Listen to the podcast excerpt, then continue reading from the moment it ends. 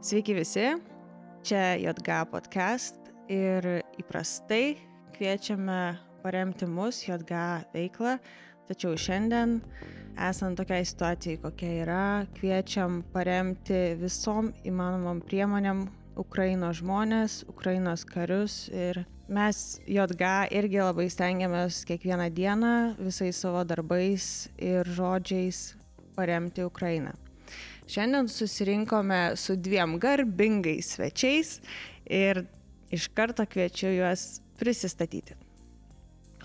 Sveiki visi, esu Elanas Jablonskas, JG, santykis su JG prasidėjo netgi šiandien socialiniai tinklai išmetė prieš tris metus, buvau čia šioje vietoje, žiūriu, fain diskutavom apie antikorupcinę veiklą būtent sveikatos apsaugos sektoriuje ir pokyčius, kuriuos gali lemti. Ir tikrai mano veikla susijusi didžiaja dalimi, didžiaja mano profesinė veikla buvo susijusi su antikorupcinė veikla, aš matau esu kitoj pozicijoje, bet irgi atsakingas už antikorupcinę politikos formavimą Lietuvoje. Sveiki, sveiki, esu Kristina Norvainytė, jaunųjų gydytojų asociacijos prezidentė ir Elono mokinė, turbūt taip reikėtų sakyti. Prieš tris metus irgi praėjau tos mokymus, vadinkim taip, apie profesionalumą, skaidrumą sveikatos sektorėje. Ir po šiai dienai tas išmoktas pamokas nešiojos ir kitiems primenu. Taip, aš dar pati neprisistačiau, esu Miglė Gedminė, JG valdybos narė. Ir taip pat esu Elan mokinė ir jau kiek, keturis, tris metus nešiojamės tas žinias ir kartais mažiau prisimenam, kartais reikia daugiau prisiminti ir kadangi pastaruoju metu medikų bendruomeniai tas skaidrumo klausimas iškilo aštriau ir vėl, dėl to ir pasikvietėm savo draugą pasikalbėti, kasgi yra tas skaidrumas, kas yra ta korupcija ir kaip mes kiekvienas galim prisidėti prie to, kad mūsų sveikatos apsaugos sistema taptų sveikesnė. Tai turbūt pirmas mano klausimas būtų jums, Elanai, kas buvo pirmieji žingsniai ir kokie buvo geriausi pirmieji žingsniai jums, kuomet jūs dirbote su korupcija, tiksliau su skaidrumo skatinimu policijoje? Ir kokius iš tų pirmųjų žingsnių jūs prisimenat kaip kažkokias gal klaidas, iš kurių galima kitiem pasimokyti? Ir kurie žingsniai buvo tie, kurie iš tikrųjų išjudino visą tą traukinį ir galų gale mes matom šiomis dienomis, kad policija žmonės labai pasitikė palyginus su ankstesniais laikais, ar ne, prieš, prieš jūsų darbus, pavyzdžiui. Tai ko, kokie buvo pirmieji žingsniai ir kuriuos jūs laikote sėkme? Iš tiesų, jeigu taip vertinant, vėlgi datom, tai yra 10 metų atgal. Lygiai prieš 10 metų policija, na, jinai turi tą teisę ir galimybę sukurti atskirus padalinius, kurie kovoja su korupcija. Tai buvo tuo metu įkurti imunitetų padaliniai, aš buvau vienas iš šių vadovų, tai yra Vilniaus apskrities imunitetų padalinio vadovas. Ir turėti tam įrankius, tai yra ir kriminalinė žvalgyba, ir iki teisminį tyrimą. Tai, sakykime, buvo pagrindiniai faktoriai lemiantis greitą sėkmę. Tu gali efektyviai turėti ginklus, įstaigos vadovas turi atskiros ginklą, tai yra tarnyba, kuri vykdo ir kriminalinę žvalgybą, ir baudžiamai persekiojimą, ir galintus tų priemonių. Bet vėlgi, tai yra kova su pasiekmėm. Ne, tai yra tą, ką mes gaudom, ką mes sulaikom, ką mes nuteisėm, tai yra pasiekmės to, ko mes nepadarėm prieš tai. Nes reikia tą pripažinti, kad efektyvesnė kova su korupcija tai yra ne pasiekmių įvertinimus, bet tai yra preventyvi veikla, tai yra siekiant, kad to nebūtų, neįvyktų. Ir e, jeigu taip ne, neinant į tas detalės, tai pagrindinis sėkmės faktorius matyti ir buvo tas, kad visų pirma, tai buvo pripažinta, kad turim problemą. Mes pasakėm, taip, mes turim problemą, yra korupcija, gėda dėl to, bet mes einam, žengiam žingsnius į priekį ir siekiam to pokyčio. Ir uh, įsivertim, kokia yra pagrindinė uh, bėda, sakykime, tos korupcijos, būtent Lietuvos policijoje. Tai natūralu, kad tai yra santykis gyventojų, pažeidėjų su pareigūnais. Ir tas santykis jisai buvo, na, gatvėse. Mes būtent tenai žmonės daugiausiai sustinka ir būtent iš apklausų mes ir matėm, kad labiausiai žmonės a, kalba apie korupciją kelių policijoje. Reiškia, mes turim taikinį. Reiškia, smulkioji korupcija kelių policijoje. Ką mes darom? Mes darom konkretų priemonių planą, ne vien tik sulaikymą, ne vien tik baudžiamosios bylos kriminalinė žvalgyba, bet tai yra siekis, kaip paveikti. Ir viena iš tokių priemonių, kuri na, tikrai su šypsna atsimenam, bet tai lėmė pokytį ir e, po šiai dienai mūsų vertina kitos šalis, tai yra moterų merginų skaičiaus didinimas kelių policijoje. Na, buvo vertima, kad ekipažas, jeigu sudarytų iš lyčių skirtumo, tuo metu jis mažintų korupciją. Ar tai buvo pagrindinis sėkmės faktorius? Ja, su šypsna galim padiskutuoti, matyt ne, bet nes tikrai buvo ir, ir merginų, ir moterų, kurios buvo įtariamos padaręs korupcinės veikas, bet tai lėmė santykiai, kad vėlgi tai atsirado tam tikra tvarka, drausmė, būtent tos ekipažuose ir tas profesionalumas galbūt labiau atėjo. Kitas dalykas tai vėlgi tai yra santykio tarp kontakto tarp, sakykime, tarp žmonių išvengiamumas. Ne? Mes siekiam, kad jeigu tu padarai pažeidimą, kad tu nes, ne, nekalbėtum su pareigūnu, tu prasme, kad tu turėtum gauni pranešimą, gauni laišką apie padarytą pažeidimus, ramiai susimoki ir gyveni toliau savo tavo gyvenimą. Ir ką mes turim šiai dienai, tai mes turim automatizuotą sistemą, skaitmenizuotus būdus, kada, matyt, didžioji dalis ir šiandien pasiklausančių jau yra nekarta gavę tus pranešimus iš valstybinės mokesčių inspekcijos, susimokėję ir neturėjo jokio kontakto, o pripažinę tą savo pažeidimą ir jokio kontakto, nieko nėra. Žinoma, vėlgi nuo tų pačių tokių dalykų kaip tamsintų langų nebuvimas. Na, tai yra smulkios priemonės, bet jos yra efektyvios. Ir pagrindinis, tai yra sėkmės faktorius. Ir aš galiu apginti savo nuomonę visose diskusijose, tai yra papirkimų skaičiaus didinimas. Tai yra, jeigu tau siūlo kyšį, visų pirma, tu jo neimi, kas yra natūralu, nes tai yra nusikaltimas. Visų antra, tai yra nusikaltimo padarimas. Ir mes to negalime išvengti, nutilėti ar nuslėpti. Jeigu davė, reiškia jis padarė nusikaltimą tas žmogus. Tai reiškia, ką mes turim daryti su juo? Sulaikyti. Ir papirkimų skaičiaus tendencija Lietuva tikrai pirmavo tarp visų netgi Europos šalių. Tai tai skaičiais ir 2014 metai tai buvo tūkstantis papirkimų per metus. Tūkstantis. Tai yra į dieną po tris papirkimus reiškia, tiek žmonių buvo patraukti atsakomybė.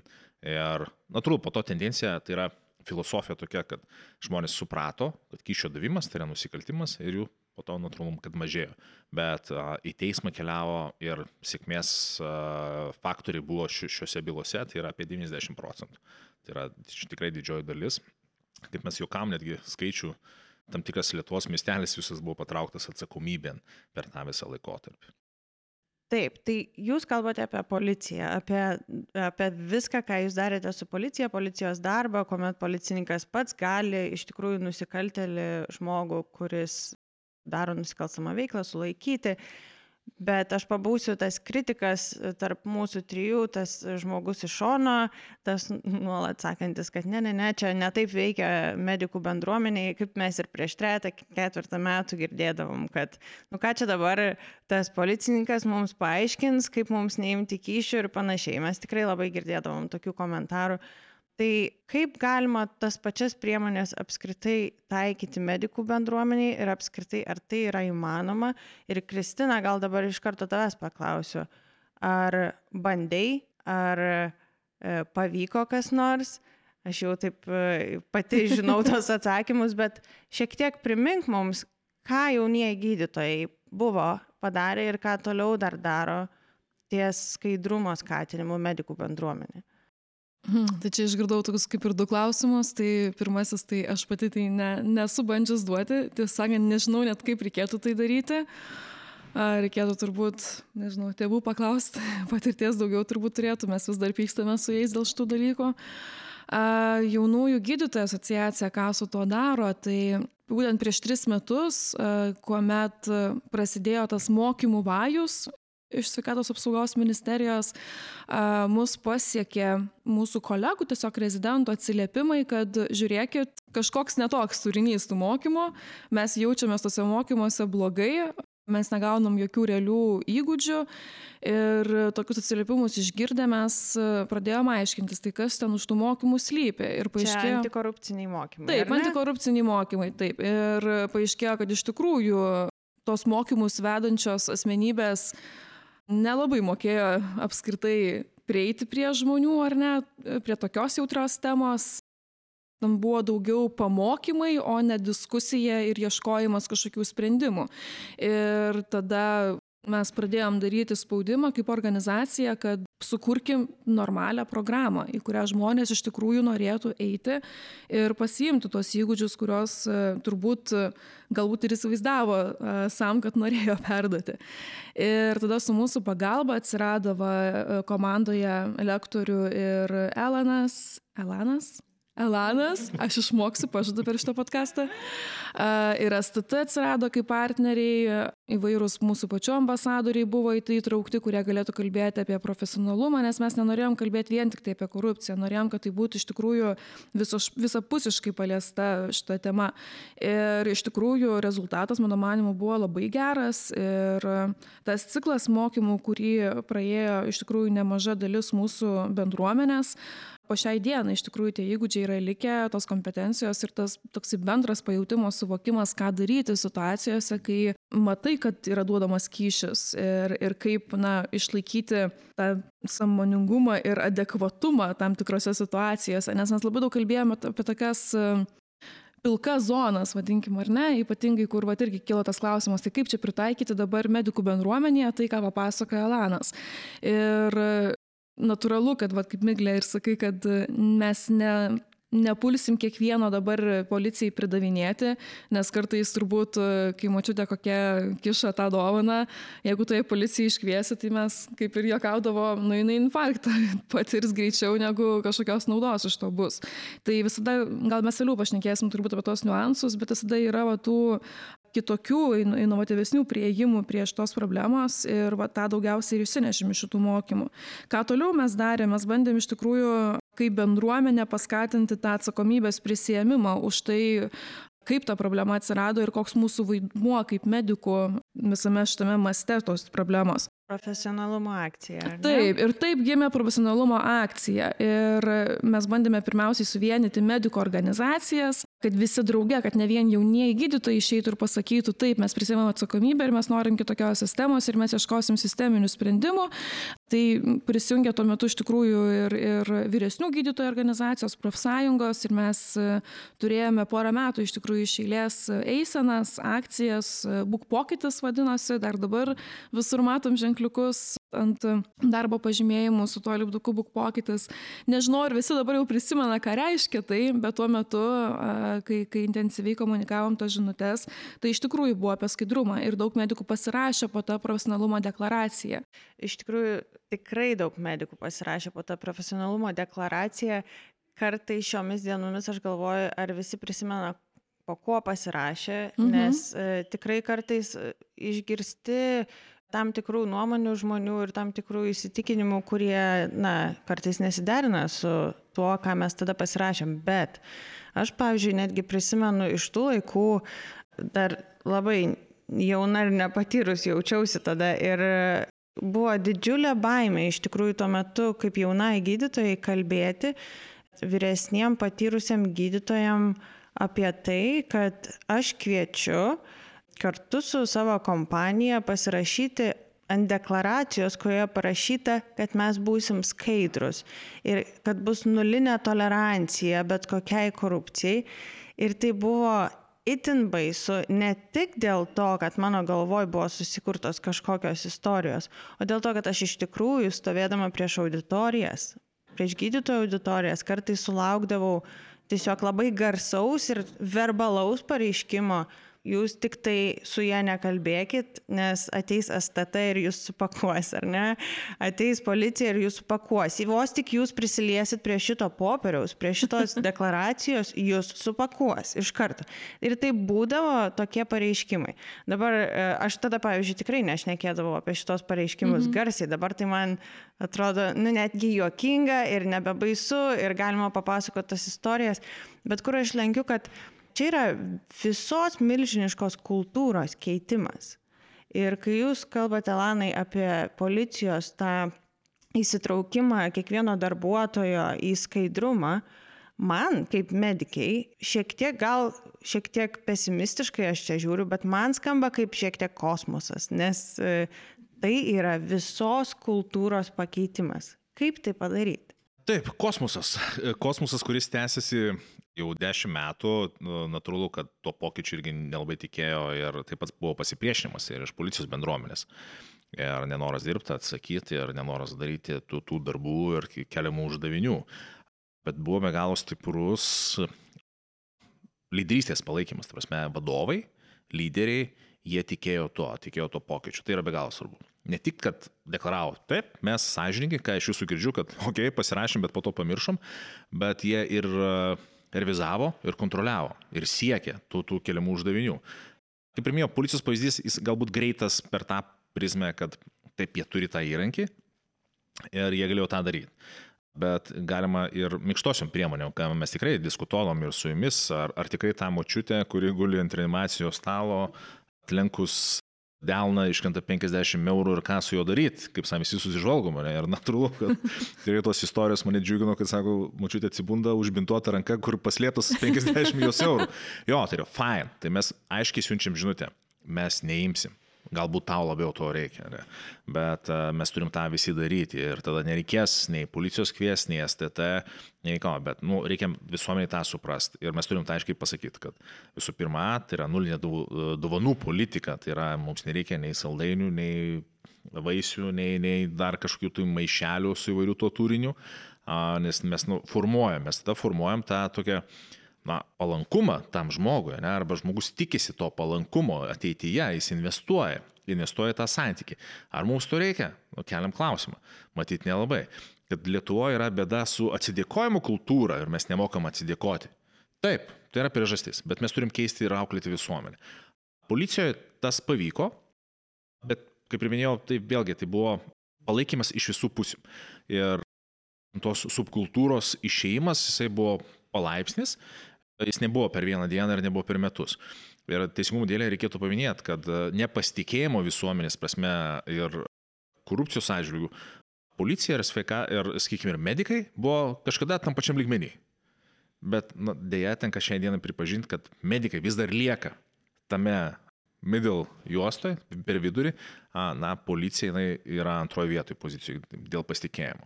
Ir didžiai dalimi tai lėmė ne tik išgelbėtas kačiukas iš medžio, ar išgelbėta gyvybė, bet ir ta, sakykime, kova, kaip efektyvi kova su smulkiaja korupcija, kur niekas nenori. Šią dieną vėlgi, ar tai korupcija išnyko? Ne, tikrai aš pats ir girdžiu ir po šiai dienai yra įvairių tų faktorių, bet tai nėra jau sisteminė korupcija, tai, nėra, tai yra pavieniai atvejai, tai yra jau konkretus susitarimai, kurie yra be galo sudėtingi ir galbūt įrodomai prasme, bet tai nėra kasdienybė, tai yra nei jūs, nei aš, galbūt mes su tuo nesusidurėm. Ne? Bet bet tas palaipsninis išgyvenimas jis ir buvo. Kas liečia tos pačius medikus, mes kaip ir šnekėjom, aiškia žinutė mes turim išsiųsti ir parodyti bendruomenį. Jeigu man tikrai patiko keletas tų atvejų, kur po tų mokymų mes buvom padarę a, tokią inscenizaciją. Na, brainstormas, ką, ką daryti su tom saldainių tom dėžutėm, kurios nu jokingai taip atrodo, mm. tai yra ant tiek smulkmena, bet e, svarbi, svarbi smulkmena bendruomenė. Nes kaip ir minėjau, bendruomenė investuoja į ateitį, investuoja į santyki. Jinai nori iš kažką tai atsidėkoti. Bet jeigu mes tą dėžutę nesugebėm gražinti atgal, bet padedam viešoje vietoje ir visi iš jie vaišinasi, tai let it be, tai kaip sakant. Bet žmogus ką mato, kad medikui to nereikia. Jo saldainius valgo kiti pacientai. Natūralu, kils piktis, kodėl kiti turi mano dovanas dalintis. Jo, čia per humoro prizmę, bet uh, tai veikia, ypač vyresnės kartos uh, bendruomenė ir, ir mes tą turim tą suprasti. Ir to neprisileisti. Ir, ir, o tas pokytis, jisai turi būti vėl, kaip aš minėjau, ir važiuojant, diskutuojant su, su, su Miklė irgi vykstant į šitą vietą, kaip aš minėjau, turi būti aiškumas visuomenė ir bendruomenė kaip vyksta procesai, kaip vyksta pacientų registracija. Kiek man teko girdėti sveikatos apsaugos ministerijos vienam iš posėdžių, kad uh, tikrai yra būdai jau skaitmenizuoti ir tam tikra dalis jau pacientų, kai kurios regionuose ir didžioji dalis yra registruojama būtent per skaitmeninį būdą, tai yra per e-registraciją. Tai nu, žiūri sveikintinas dalykas, tikrai džiaugiuosi dėl to, bet aš sužinojau tik tais, na, dėl to, kad dirbu tam tikroje vietoje. Visuomenė to nežino.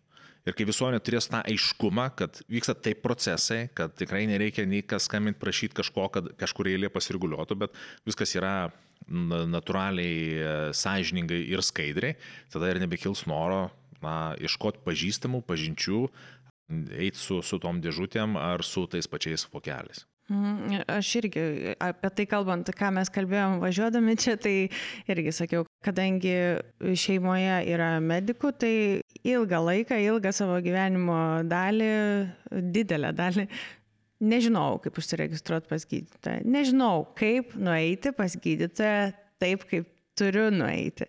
Ir aišku, nu, aš ne, negaliu prae, pakeisti to, kas buvo praeitį, bet dėja, taip buvo. Dėl to, kad tokia, tokia vis dėlto ypač buvo kultūra, jinai dabar beje po truputį keičiasi irgi, labai tik tai labai lietais tempais. Ir keičiasi būtent dėl to, kad vis daugiau atsiranda tų skaitmenizavimo būdų ir panašiai, bet nežinau, Kristina, gal tu labiau žinai apie tos dalykus, Kaip dabar va, sveikatos apsaugos ministerija ir apskritai medikų bendruomenė apart JG žiūri iš tuos dalykus ir kokių priemonių galvojama, kad reikia imtis. Nes aš, pažiūrėjau, vieną tai labai aišku žinau, kad reikia kelti atlyginimus. Bet ar, nu, ar čia tikrai... Panacėjų, panacėjų. Ar čia tikrai? Čia labai Matai, tas atlyginimais ir tiesa, ir ne. Iš vienos pusės mes kažkaip, kai nusismulkinam tiesiog į atlyginimus, pamirštam, kad nu, pačioje sveikatos sistemoje trūksta lėšų ir mes dėl to turim tą neskaidrumą labai įvairiose formose. Ir kartais tai yra, pavyzdžiui, hiperdiagnostika, ar ne, mes prirašom ne, neegzistuojančių diagnozių, kad tik gautų geresnį apmokėjimą skyrius, nes kitaip nėra kaip tų pinigų prisitraukti ar ne paskui prieldos atsiranda ir visokiem nepotizmam ir panašiai. Tai algos ne, yra dalis to, bet ne, ne pilnai. Tai va, o dabar dėl pačių medikų reakcijų labai daug matau o, bet, tačiau šitų žodelių. Ir kaip ten sako, viskas, kas būna pasakyta iki šitų žodelių, kaip ir nelabai netenka prasmės, ar ne? Ir tą tikrai matom, kad, aha, mes netoleruojam korupcijos, netoleruojam kyšių, bet e, čia bausmė nedekvati. Arba e, netoleruojam, netoleruojam kyšių, bet pirmą reikia algas padidinti. Pirmą spręskim e, sisteminės problemas.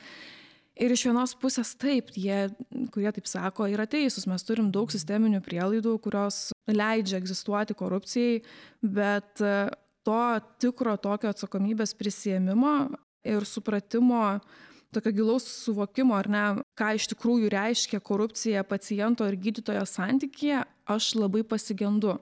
Ir man kiekvieną kartą reikia aiškinti iš tikrųjų iš naujo, kad negalima jokių būdų lyginti gydytojo ir paciento santykio su padavėjo ir kliento, arba realiai su bet kokiu kitu, ten mačiau ir su mokytojo mokinio ar nesantykiu ir panašiai. Nes pacientas jisai visada yra labai pažeidžiamai pozicijoje, o gydytojas yra labai dideliai galios pozicijoje, ne? Tai tos galios asimetrija yra labai didelė. Ir aš atsimenu ir per Elano mokymus vieną labai labai reikšmingą klausimą visada kad reikia eiti prie to, o kodėl, koks yra paciento motyvas duoti kyšį ar tikrai tai yra grynas, tyras noras atsidėkoti, ar vis dėlto tai yra investicija į kažką, investicija į ateities vizitus, gal vėliau prieisiu lengviau, gal mano artimieji vėliau prieis lengviau. Kai yra mūsų Lietuva tokia maža, atmesti iš tos tikimybės, kad tu susidursi vėl su to pačiu gydytoju, kuriu, kuriam tu, tarkim, atsidėkoji jau po nes čia irgi argumentas ar ne, tai jau po tai nesiskaito, bet vėlgi, na, tas pasamoningam lygmenį, manau, iškreipia vis tiek požiūrį tiek tavo kaip gydytojo į tą pacientą, galbūt tu pradėsi prielankiau, net nejausdamas to žiūrėti jį ir kažkokias išlygas daryti, tiek ir paciento, ar ne, į, į tą specialistą. Tai kai yra tokios trapios, tokia trapi dinamika ar net tarp paciento ir, ir, ir gydytojo, man atrodo, kad iš vis nereikia veltis į jokius šitoj vietoj debatus, kas dar yra toleruotina, o kas ne. Aš nu, gal šitoj vietoj šiek tiek ir kategoriškai ir kartais pasisakau, bet man atrodo, kad iš vis griežtai reikėtų briežti ribą ir ties tom dovanom. Ir va to tokio grino netoleravimo ir dovanom ir suvokimo, kas už to dovanų slypi, aš labai labai pasigendu. Dar jeigu labai greitai galiu pasakyti, kas va tokio naujo iškilo kilo va šitoj situacijai, kur dabar matėm ar ne, nuskambėjus viešoji erdvėjai. Tai kad kažkokiu būdu mes sulyginom su klaidų kultūra, su klaida. Man iš vis kraujas verda, jeigu atvirai, kai aš girdžiu tokius palyginimus, nes mes visigi suprantam, kad klaida tai yra, taip, tai yra mhm. visiškai ar ne netyčinis veiksmas. Aš nekalbu apie tos atvejus, kai ten, nežinau, vienetai ar ne tuo atveju, kai girtas žmogus ateina, tarkim, į neblaivus ar ne į darbą ir dėl to įvyksta kažkokia klaida. Mes kalbame apie tos netyčinius atvejus, kur aišku, kad neturime bausti ir jau po truputėlį Lietuva juda link to, kad mes pradėkime mokyti mokytis iš klaidų, o ne bausti už jas, bet lyginti tai su kyšiu ir lygyti bausmes šitų dviejų situacijų, šitos dviejose situacijose yra visiškai, manau, neadekvatu, nes kyšis yra sąmoningas pasirinkimas. Mesgi visi suprantam, tiek iš pacientų, tiek iš gydytojo pusės. Labai norėjau Čia dar šitą pasakyti. Tas lyginimas, tai aš nežinau, man asmeniškai tai skamba kaip e, ta pati propaganda. Žinai, mes dabar labai daug girdime per tas propagandas mm -hmm. apie mhm. karą, kai informacinė, tai nu, čia yra tas pats tik tai kitų lygių. Tai pradedi lyginti nepalyginimus dalykus, tada... Nukreipi dėmesį, nukreipi dėmesį. Nes problemos. Aš taip, pavyzdžiui, irgi visiškai sutrinku, bet ką norėjau pasakyti, tas tavo kategoriškumas ir kitų JG narių ir buvusių narių kategoriškumas, tai geri mokiniai, Elanai. Tikrai išmokom pamokas.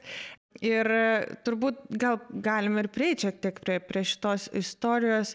Man knieti labai paklausti, Lano, minėjot man prieš tai, kad e, buvo netgi kažkoks konfliktas su mediku, e, kalbant apie būtent situaciją, kuomet mūsų bendruomeniai gana aukštas pareigas užimantis žmogus yra nuteisiamas už ėmimą kyšio, pacientas irgi nuteisiamas ir kartu yra atimama gydytojo licencija. Ir jūs turėjot kažkokį pokalbį, kuris buvo įdomus ir nepapasakojot jo. Tai va dabar man šiek tiek įdomu išgirsti, kur buvo tas konfliktas. Tai vėlgi, čia ne konfliktas, čia yra nuomonių pasidalymas ir natūralu, kad tu supranti, kad žmogaus, jisai gali, kiekvienas mes turim, nu, esame demokratinė valstybė ir tų nuomonių galų galiai įvairovė negali būti bet aš norėčiau neš, įnešti truputėlį to aiškumo. Ne? Tai e, grįžtant prie mokinių, be galo džiaugiuosi, kad vis dėlto tas laikas nepraėjo veltui.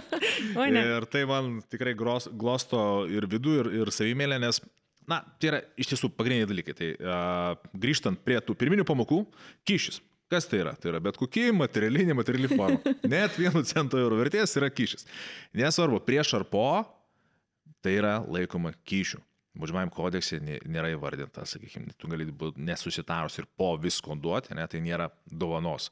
Dovanos savokos baudžiamajam kodekse nėra. Neradau. Jeigu jūs randat, prašau atneškit. Po šiai dienai, kiek žinau, to nėra. Grįžtant apie tą situaciją, kur jūs linkstat ir, ir norit manęs paklausti, aš a, vėlgi, tai yra pagrindiniai dalykai. Kaip ir sakom, kiek aš ir girdžiu, ir visuomenėje, ir, ir aplinkoje, tai yra valstybė investavo.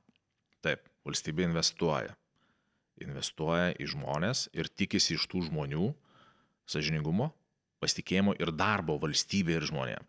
Ir kada tie žmonės na, padaro tas klaidas, natūralu, kad na, ir garbė, valstybės garbė, jinai yra neįkainamas dalykas, jinai kainuoja, jinai turi priimti tos sprendimus. Ir tas, tas atvejis, taip, jisai yra be, be galo nemalnus, bet ir vėlgi, ar tai yra tik vien dėl šito įvykio? Matyt, ne. Tai matyt yra ir pasiekmė to, tos, tų sisteminių dalykų, ne, to galbūt netinkamo ar neteisingo elgesio, prie ko mes priejom, kad turim šiandienai šitą įvykį ir mes turim jį aptarinėti. Bet aš vėl norėčiau irgi papasakoti tam tikrą, irgi iš tų senų laikų istoriją tos pačios policijos, net vėlgi organizacijos ar, sakykime, sistemos, kokia yra vidinė kultūra ir, na, susitarimas. Kur yra ta raudona linija, tas redlinas? Kaip pavyzdys, vėlgi valstybė investavo į tikrai aukšto rango pareigūną, kuris tikrai vadovavo be galo rimtam padaliniui, kurs, kurie kovoja su organizuotu nusikalstamumu, su tais nusikaltėliais, kurie netgi šiai dienai atlieka bausmes įkalinimo įstaigose, kuris turėjo tarptautinį pripažinimą, buvo vertimas tarptautinių partnerių. Ir jo klaida buvo ta, kad jis vairavo neblaivus. Tai yra administracinis nusižengimas, tai net nėra baudžiamo atsakomybė. Ir už šitą administracinį nusižengimą, kadangi yra susitarimas, kad visi bus atleidžiami, jeigu tu padarai šitą reputacijai grėsmę sukeliantį pažeidimą, tu bus atleidžiamas. Be jokių kalbų, nepaisant pareigų. Ir taip, tie, kurie prieėmė tą sprendimą, jie svarstė, galvojo, bet jie padarė tą sprendimą. Ir tas žmogus aš irgi jį gerbiu, irgi dirbau su juo ir tikrai pažinojau, bet jis turėjo tą kelią, kad jis turėjo būti atleistas. Ir man dabar vėlgi yra nesivokama rinkamos peticijos, visa kita. Tai žmogus padarė nusikaltimą, tai teismas pripažino jį kaltu, jis yra valstybės tarnautojas. Ir valstybės tarnautojas, kuris padarė korupcinį pažeidimą, jisai nebegali dirbti valstybės tarnybą. Čia yra mano asmeninė tokia nuomonė, nu, matyt, mes to tikėtumėmės ir iš kitų. Ir mums jį leisti dirbti, kad ir kiek valstybė investavo jis padarė klaidą, jisai pardavė, ne, šioje vietoje, jeigu taip vertinant, tai buvo jo padarytas tas nusikaltimas, tai yra tu pažeidži tą reputacinį dalyką, tu nesusitaikai su tom taisyklėm, kurios yra ir na, kaip valstybė gali tam pasitikėti toliau ir leisti tau dirbti valstybei ir žmonių labą. Aš gal galiu truputėlį irgi atreaguoti. Pirmas dalykas dėl tų mokymų. Man truputėlį yra pikta, kad mūsų bendruomeniai jau net mokymai žodis savaime, kai kalbam apie uh, skaidrumą, yra kažkoks demonizuotas. Ir kažkaip labai visi gal pasilikę yra prie to seno vat, modelio, jie žino tik tą seną mokymų modelį, kur tiesiog vat, pateikia savokas, juodo ant balto, išmokit, žinokit, nedarykit. Bet kai mes vat, matom, patys pajutom, ar ne tie, kas dalyvavo mokymuose, kad jie gali būti kokybiški, jie gali būti per, einama per vertybės, per moralę, per etiką, ar ne, per profesionalumo prizmę per santykių dinamiką, kur tu iš tikrųjų na, pasijauti atstovaujantis savo specialybę ir, ir, ir ieškantis geriausio sprendimo šitoje vietoje, tai tai gali būti tie mokymai geri. Ir man atrodo, kad labai sunku yra ištransliuoti tai ir dabar atrodo, kad nesvarbu, kokius mokymus bedarytų, automatiškai kažkokia atmetimo reakcija atsiranda mūsų bendruomeniai, kas vadina, ne, nematė tų gerų mokymų.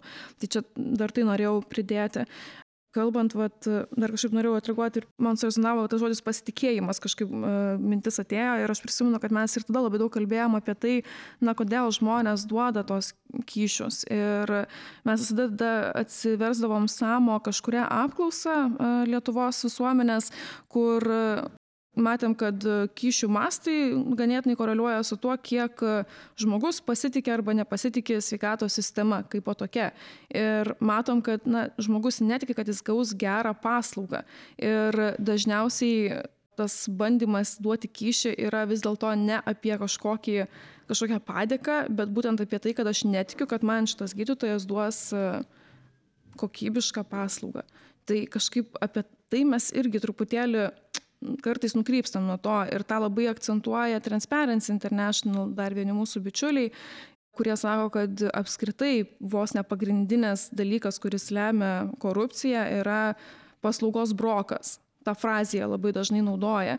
Tai kažkaip, nu, norėtųsi, kad dažniau mes irgi diskusiją įdėtume šitą frazę. Bet ir apskritai medikai labai daug šneka ir aš visiškai palaikau kiekvieną šnekantį, kad e, reikia kelti atlyginimus, reikia gerinti darbo sąlygas ir taip toliau. Tik tai turbūt kiekvienas iš mūsų pamiršta, kaip tie pokyčiai, va tokie va sisteminiai pokyčiai, kaip jie įvyksta.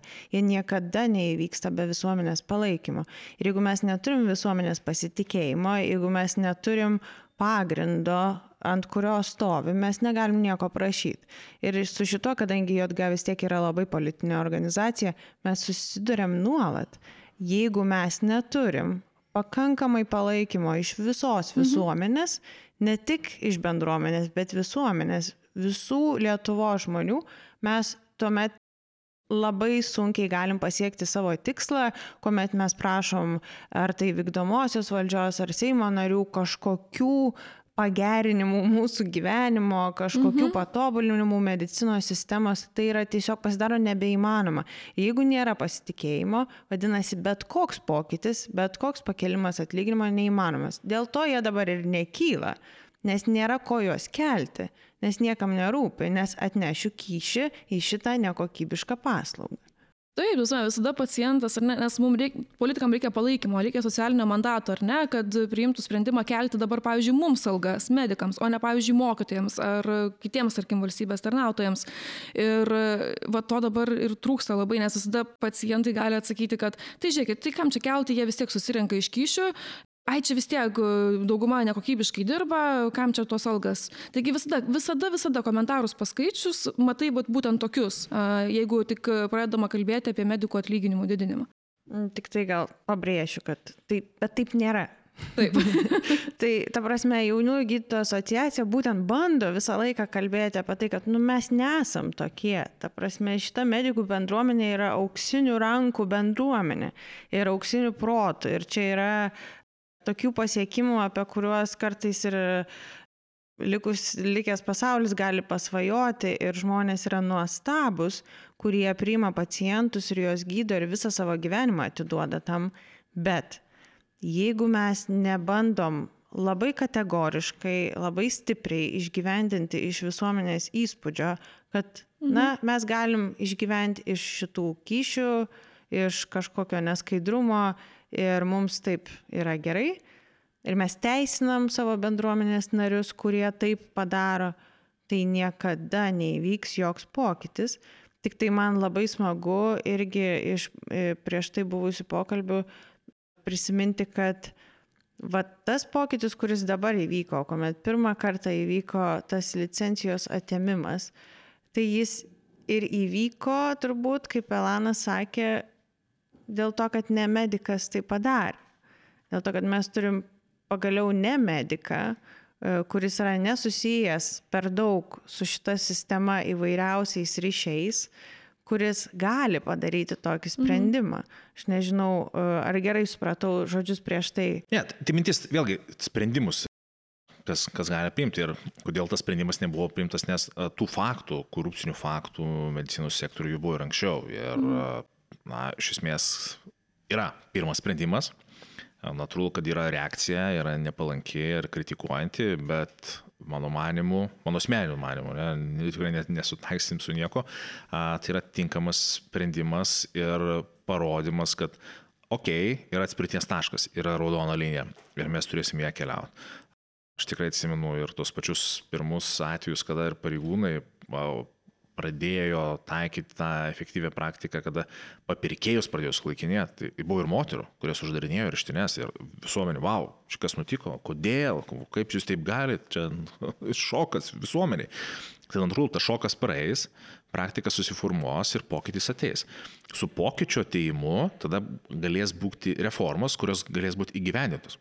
O kiekviena reforma atneša naudą. Naudą, sakykime, per struktūras, per schemas, per procesus Ir a, tie pokyčiai vėlgi tai neturi prisirišti prie personalio, nes ir be galo svarbu reikia atskirti personą tam tikrą ir mhm. kodėl tas pokytis yra. Nes na, dažniausiai tie, tos reformos jos yra taikomos dėl na, iš ankstesnių tų istorijų, kad atsisveikinti su viena kita, sakykime, personalė. Tačiau šioje atveju tikrai mes neturim prie to ryštis, turim eiti prie tos sistemingos, to pokyčio, tos reformos. Tada atsiranda ir laisvų pinigų ir juos galim naudoti ir darbo užmokesčių, nes nu, policijos irgi pokytis jisai atsirado ir atlyginimai buvo pradėti kelti po reformos. Tai yra, mhm. kada sumažėjo korupcija, kada atsiranda pasitikėjimas ir tada tu gali jau daryti, nes kaip ir jūs patys minėjote, atsiranda palaikymas tos visuomenės ir tada tu gali eiti į tą, į tą pokytį. Nes po šiai dienai tai tikrai aš manau, kad išsirevizavus ir tikrai teko matyti netgi čia prieš metus ar pusantrų, kada yra nustatomos, nustatomi žmonės, personažai, kurie dokumentuose dirba, bet jų realiai niekas nėra matę ir tam pačiam sveikatos sek, priežos sektoriuje. Tai natūralu, kad tie pinigai jie išdeginami į orą kažkam tai kišenės, o ne kada jie gali būti skirti jums, kitiems dirbantiems medikams. Ir, ir be abejo, ta, ta hierarchija, iš tiesų ta Aš ją vadinu subkultūra, vidinė subkultūra, nes jeigu tai yra pagrista, sakykime, tai santykiais tokiais hierarchiniais, negali. Ypač aš buvau nu, be galo nustebęs, kada pradėjau dirbti e, su jaunaisiais medikais ir kalbėtis ir, ir pietų metu mes kaip pradėjome kalbėti, kaip pasakojo tam tikrus tos hierarchinius dalykus, tą subkultūros egzistavimą medicinos sektorėje wow, aš buvau šokiruotas. Nuoširdžiai sakau, prasme, aš netikėjau. Kas šokiravo labiausiai? Prasme, kad jeigu tu nedirbi kažko, neklausai, tai tas pats rezidentas, tai negauna įvertinimų, dėl to negali dirbti kažkur, tai, mhm. nu, tai na, tu, man tai nėra suvokiama. Prasme, tai yra kažkokios asmenybės, kažkokie principai, kurie lemia žmonių ateitį. Nu, to negali būti. turbūt aiškumas, ne, aiškumas karjeros saugime, aiškumas tarp, tarp tų padalinių ir, ir na, tai negali būti nestatutinė organizacija, kad, kad būtų santykiais paremta hierarchinė struktūra. Tikrai to, to nėra, nes tikrai čia nestatutinė organizacija. Nes medicina tai yra, nu, žmonės turi aukti ir tikrai, kaip jūs minėjot, Lietuva žymi tom, kad, kad tikrai yra efektyvi medicinos paslauga teikiama, dėja, bet ir dalyje per korupcinius santykius.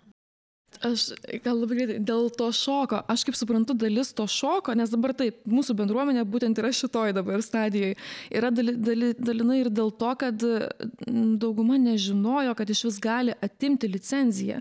Aš kaip suprantu, teisiškai šita galimybė buvo jau kuris laikas, bet niekas iki tol nepasinaudojo, tiesiog nebuvo to žingsnio politinio žengto, kad viskas mes dabar jau darom pavyzdį ir parodom, kad tai yra nebėra tos nebaudžiamumo kažkokios kultūros.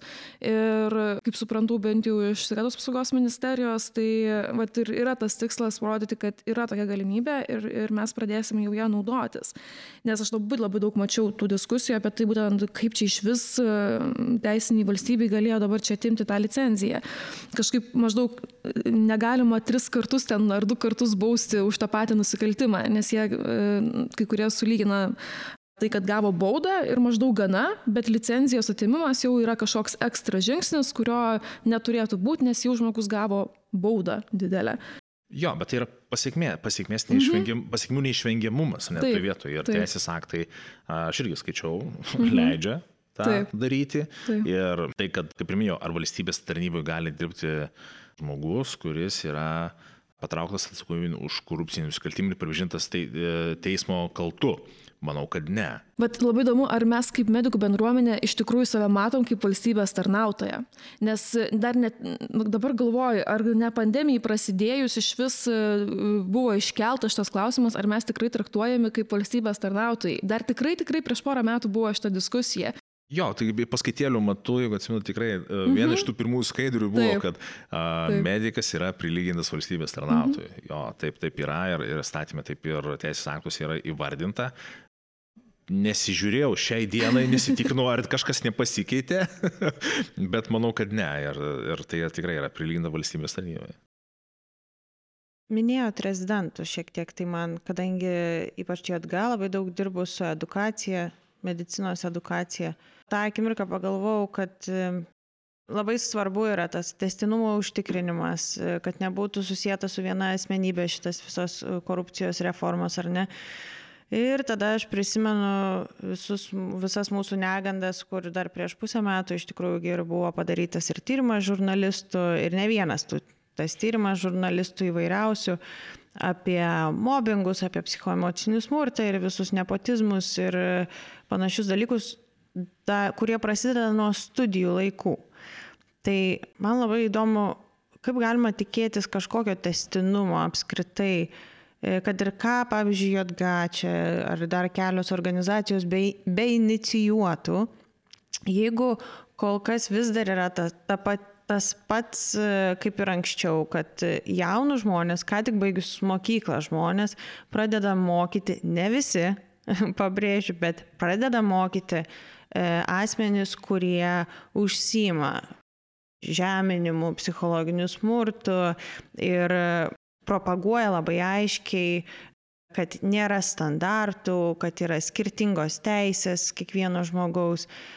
Kaip šito, kaip kultūrai, kuri prasideda va, būtent nuo to, dar medicinos studijose, kaip man tikėtis, kad tas testinumas gali būti užtikrintas. Aš suprantu, kad čia tas klausimas toks net neprovokuojantis, o toks beviltiškas skamba, bet gal yra kažkoks, už ko užsikabinti, už ko jot gali kabintis. Čia yra klausimas, kur, kur to atsakymo matyt niekas nežino, bet tai turi būti, na, iš esmės vėlgi, kažkada, jeigu tu buvai sąžiningas, taip pačiu teisės konstitucijų, tai tave žiūrėdavo irgi taip iš šono, ne, Tusme, ha, nu, įdomus žmogus, ne, reiškia ne prie mūsų. tai pažįstam. Jo, šiai dienai yra, žiūri į tą, kuris yra nesažininkas, ką tu darai, nes tu kenki mums, ne, tu kenki organizacijai, tu kenki mūsų tyrimams, tu kenki valstybei ir mes turim tave pašalinti, eliminuoti iš tos sistemos, nes tu darai žalą, iš esmės, tu darai žalą. Ne vien tik reputacinė prasme, bet ir natūralu, prasme, tarnybos prasme. Ir čia šiuo vietoj tie patys mobbingai, ne, natūralu, bet jie iškyla. Ir turim tikrai tų skaudžių atvejų, kada tai buvo afišuojama, rodoma ir su tam tikrom pasiekmėm. Kad ir tos pačios licencijos panaikinimas, matai, natūralu bus dar teisminiai procesai, tai vėlgi faktas, tai jau rodo, kad pokytis jisai jau yra, jau yra pradžia to. Ir mano manimu, ko tikrai nereikėtų daryti, tai užsisklęs savyje ir tylėti. Natūralu, yra pokytis, yra, yra priežastis, reikia kalbėti reikia viešinti, reikia informuoti ir apie tokius dalykus, nes tik, sakykime, per tą būtent aiškumą ir skaidrumą mes ir galim, jeigu vienas žmogus, natūralu, galbūt čia kažkur problema slypi viename padalinėje, bet jeigu didžioji dalis pradės apie tą garsiai kalbėti, apie tą neteisybę, apie tą nesažiningumą ir aktualią problemą, tai natūralu, kad pasigaus ir, ir su komunikacija dirbančios įstaigos, kaip tie patys žiniasklaida ir nu, tai bus vėl viešo, kadangi vieša, tai jau tada jau mes turim kreipdėmėsi ne, ir aiškintis, kodėl yra taip ar ne taip. E, dažniausiai visada kaip būna, kad e, problemos sprendžiasi, kai įvyksta pasiekmes, dažniausiai jos būna ja, skaudžius pasiekmes. Tai reikia kalbėti iki to, kol dar neįvyko tų pasiekmių.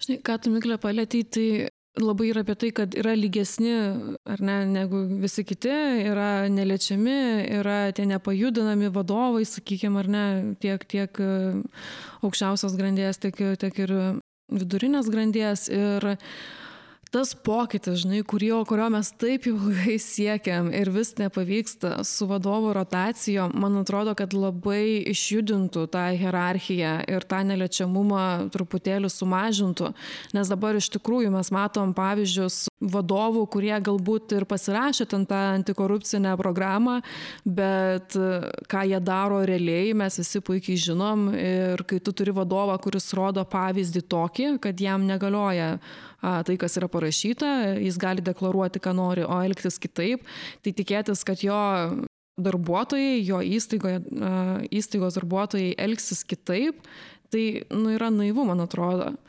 Tai jeigu vat, pavyktų truputėlį išjudinti šitą ir ateitų jauni, galbūt vat, jau su kitokiu požiūriu žmonės ir bent truputėlį pradėtų judinti tą, tą suvokimą, kas yra ta korupcija ir kaip su tuo kovoti, tai man atrodo irgi vat, šitoje vietoje galėtų prisidėti. Tai kaip reikia tų vadovų rotacijų? Kritinio mąstymo labai trūktų, pasakėjai, naivumas. Tai vat, mhm. krit, kritinis mąstymas ties kiekvienu vadovu. Nu, tai gerai, labai gražiai šneka. labai, labai, labai ten giria visus savo darbuotojus viešai ten arba dar kažkas panašaus. Bet kritinio mąstymo, ką tas žmogus iš tikrųjų daro visai sistemai.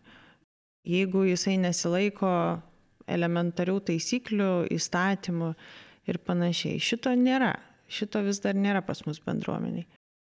Taip, bet iš esmės aš tikrai matau tam atskirą pokytį jūsų sektoriuje, tai su medicina, kadangi dalį jūsų ir pažįstu ir tikrai yra užaugusių žmonių, kurie tikrai spinduliuoja tą energiją ir, ir transliuoja tą, tą, tą kitokį požiūrį, kitokį vadovavimą, kitokią kultūrą.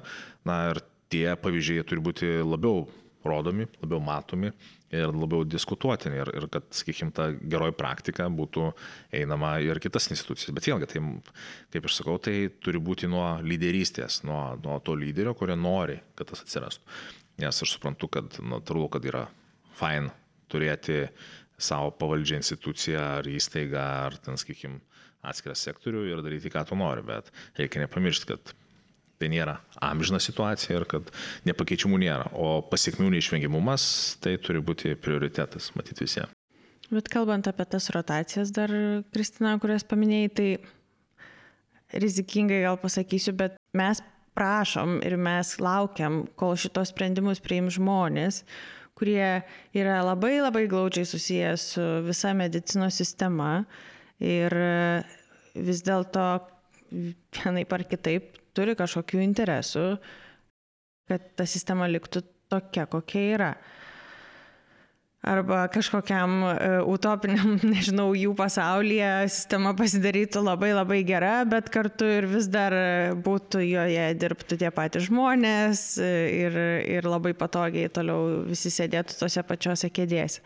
Tai nežinau, nu va čia irgi, čia gal mūsų jau JG naivumas buvo ties to momentu, kur mes e, prašom būtent tų žmonių, kad jie pagaliau įjungtų savo ten moralę ir, ir loginį mąstymą ir taip toliau ir panašiai, pakeiskit mums, duokit vadovų rota, rotacijas, betgi kam to reikia, žinai.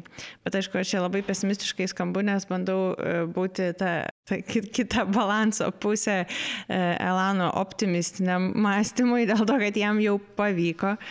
Nu, bent jau aš skaitau, kad jums jau pavyko e, labai smarkiai pakeisti visą tą kultūrą. Bet vat, man dar įdomus tas momentas dėl tos bausmės momentas. E, ir, ir, ir pats nekartą paminėjai per e, šitą pokalbį, ar bausmė iš tikrųjų negali sukelti dar didesnės baimės ir pasipriešinimo. Ar čia nevyksta va, tas dalykas, kur nu, baus, bausmė nėra mokymas, bausmė yra kažkoks neigiamas dalykas ir, ir jo pradeda medikai tada bijoti, bet tikrai nepradės elgtis e, taip, kaip yra teisingiau ir panašiai. Ar ar turi būti visą laiką kombinuojama ir bausmė, ir, pavyzdžiui, mokymas žmonių, kaip reikia daryti, ar, arba, pavyzdžiui, pradėsim daryti bausmes, visiems licencijas atiminėsim ir dabar visi išmoks šitą pamoką. Čia labai reikalingas klausimas. Jau. Uh, jo, bet čia vėl gal, galbūt matyt psichologas koks atsakytų teisingiau ne iš jūsų sektoriaus. Aš kaip žmogus, kaip aš vertinu. Tai vėlgi, kaip buvo pas jūs? Uh, tai natūralu, kad ta bausmė, faktas, tie žmonės, į kuriuos valstybė investavo, dalis jų nebedirba ir tai buvo pasiekmių neišvengiamumas. Ir ta, kaip ir minėjot, bausmė, leidimas ir panašiai, tai, na, čia bodago ir medolio principų tikrai matyti nereikia, bet pačiausiai tai yra žinojimas.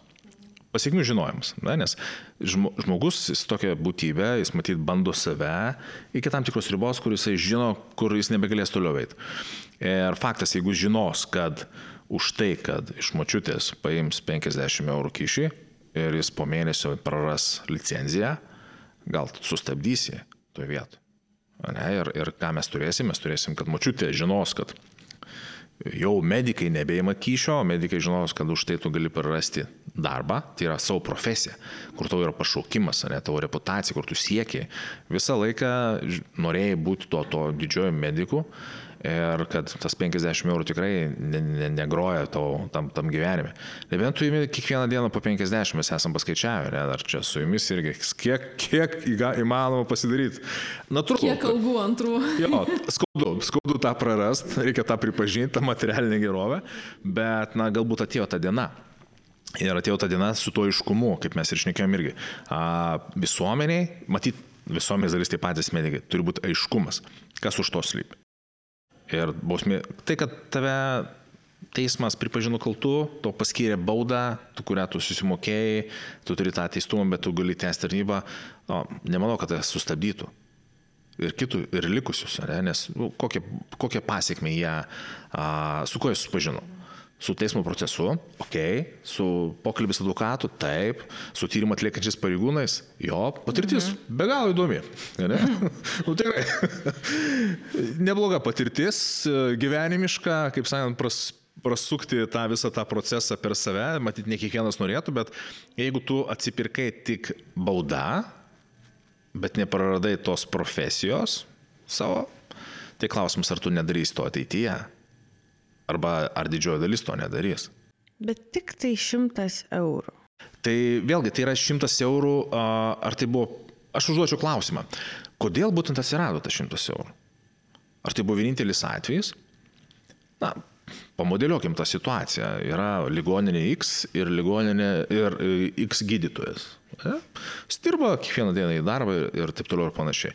Ir vieną dieną, dieną X, jam yra du, duodamas 100 eurų kyšis.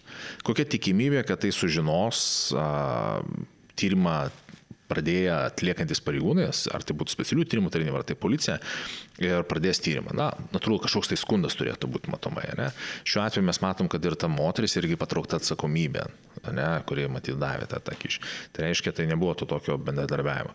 Ir kur aš lenkiu, kad iš vieno fakto, na, tik tais teorijų tikimybė, kad e, tu gali patekti į tą e, teisės saugos atliekamą procesą ir su pasiekmė, kad turėti teistumą.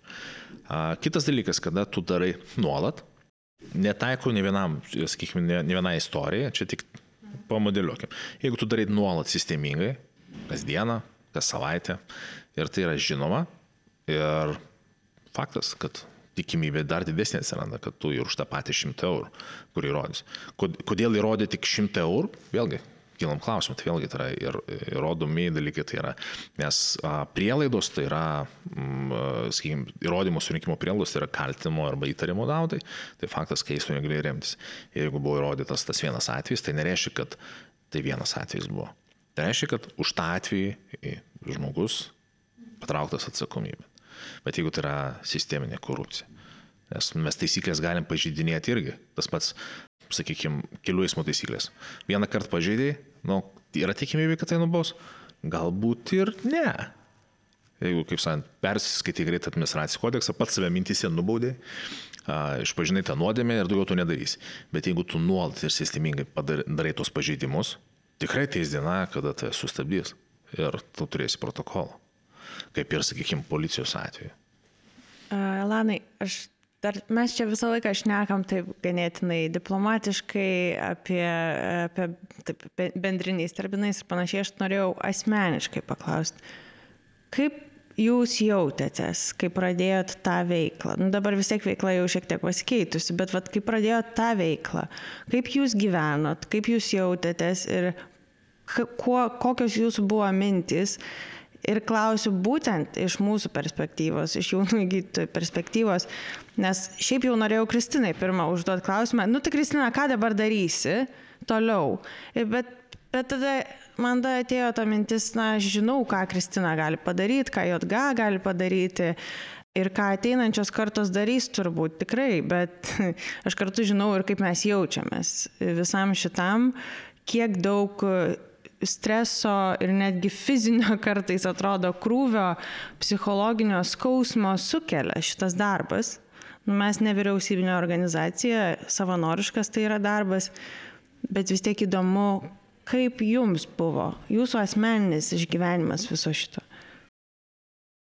Sunku pasakyti, tas asmeninis išgyvenimas, jisai uh, tampa gyvenimo būdu, matomai, ne? Ir uh, iš principo faktas, kad tu nesi tas uh, a, žmogus, kuris yra labai mėgiamas su kuriuo nori, kaip sakėm, galim paukauti. Klausimas, ar nori kas nors su jums draugauti? ar tu turi daug draugų? Arba ar tie draugai yra tikri draugai ar apsimestiniai? Mhm. Nes a, tikrai jaučiau tą, na, turiu tam tikrą jausmą ir jaučiu, kurie yra nuoširdus, kurie yra tik tiek, kad turi būti. Ir yra tokių, kurie ir nebedirba, kurie apsimetė tais draugais. Ne, ir teko su jais pačiam atsisveikinti. Yra ir tokių atvejų, ne, istorijoje mano. Bet, kaip aš sakau, kas yra korupcijos kaina? Ne, tai vėlgi, tai yra be, be galo daug dalykų, kurie į ją yra kalkuliuojami. Vienas iš tokių tai yra neramus miegas. Aš miegu ramiai.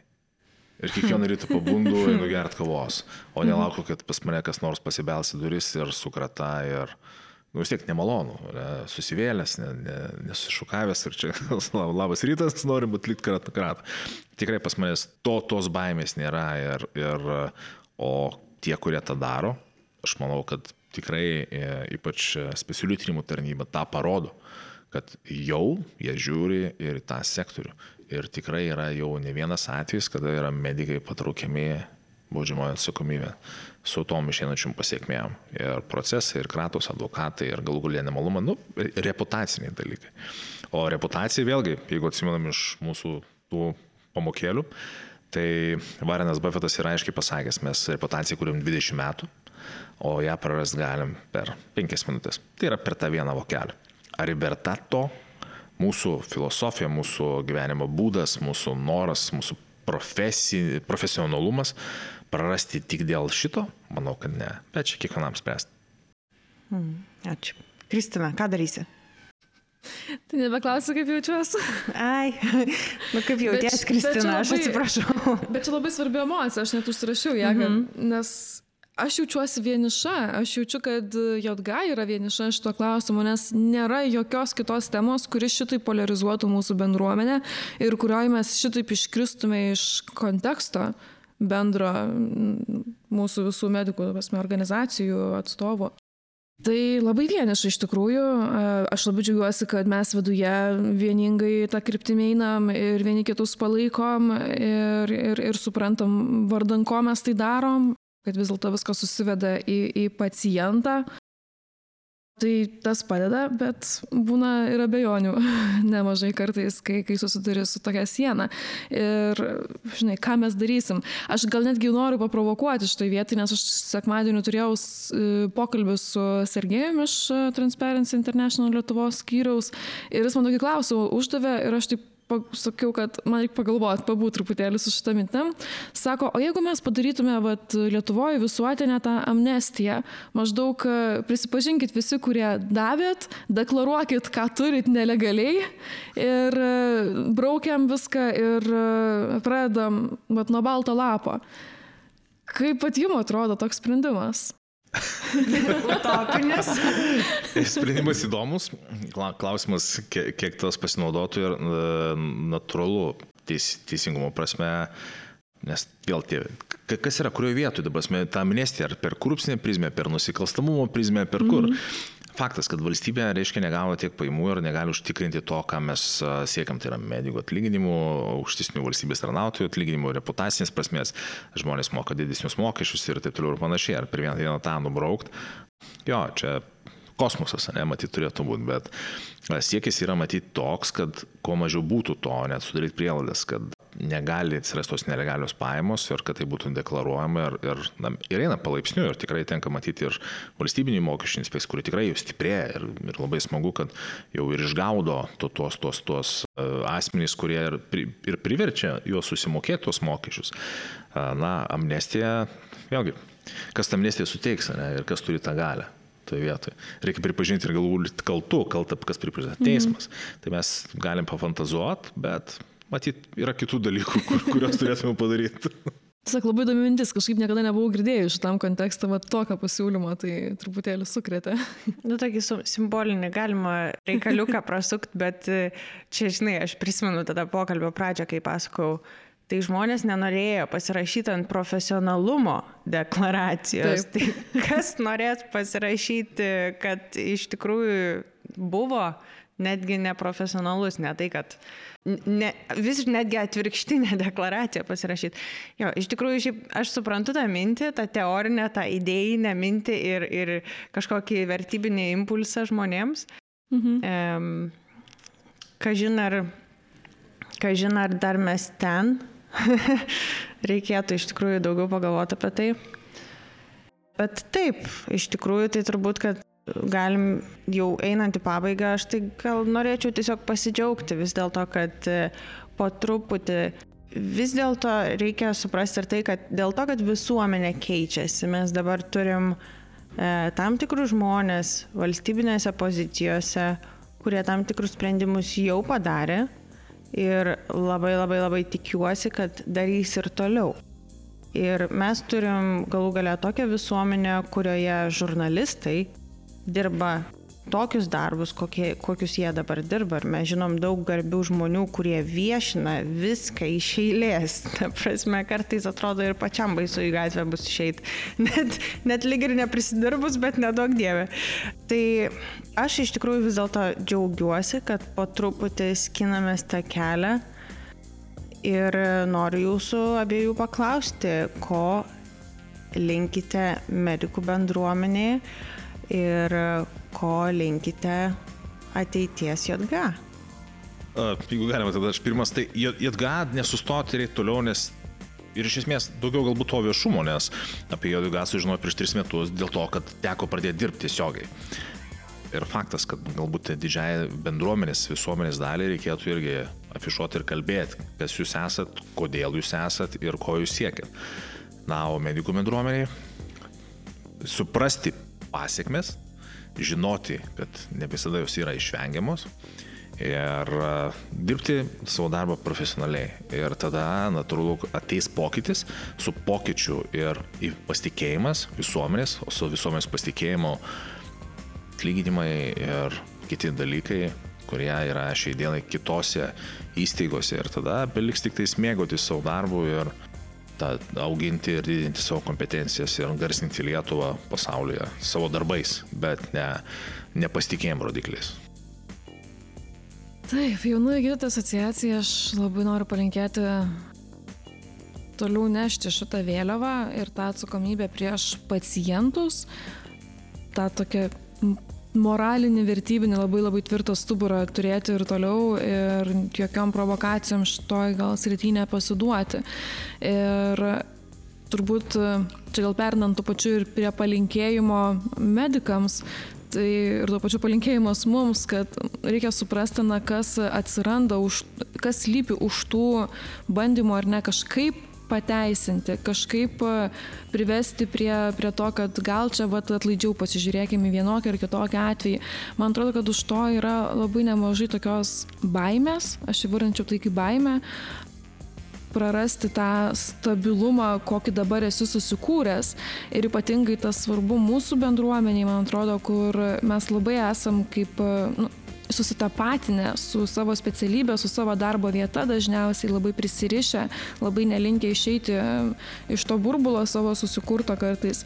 Ir, žinot, kiekvienas va toks labai E, stiprus išėjimas iš tos komforto zonos ir, ir, ir kažkokių naujų paradigmų ateimas, jisai kelia labai daug tos baimės, neužtikrintumo ir, ir iš to tada kyla daug tokių gynybinių reakcijų, ar ne? Tai aš labai linkiu ir mums tą suprasti ir rasti prieimą turbūt prie likusios mūsų bendruomenės ir, ir, ir, ir kolegom tiesiog e, palinkėti suprasti, pajausti, iš kur apie ką ta baimė yra ir ir pradėti dirbti turbūt su ją, ieškoti na, būdų, kaip išeiti iš to, kad iš tikrųjų naktį galėtume visi miegoti ramiai. Tai mano palinkėjimas bendrai visiems - ramaus nakties miego.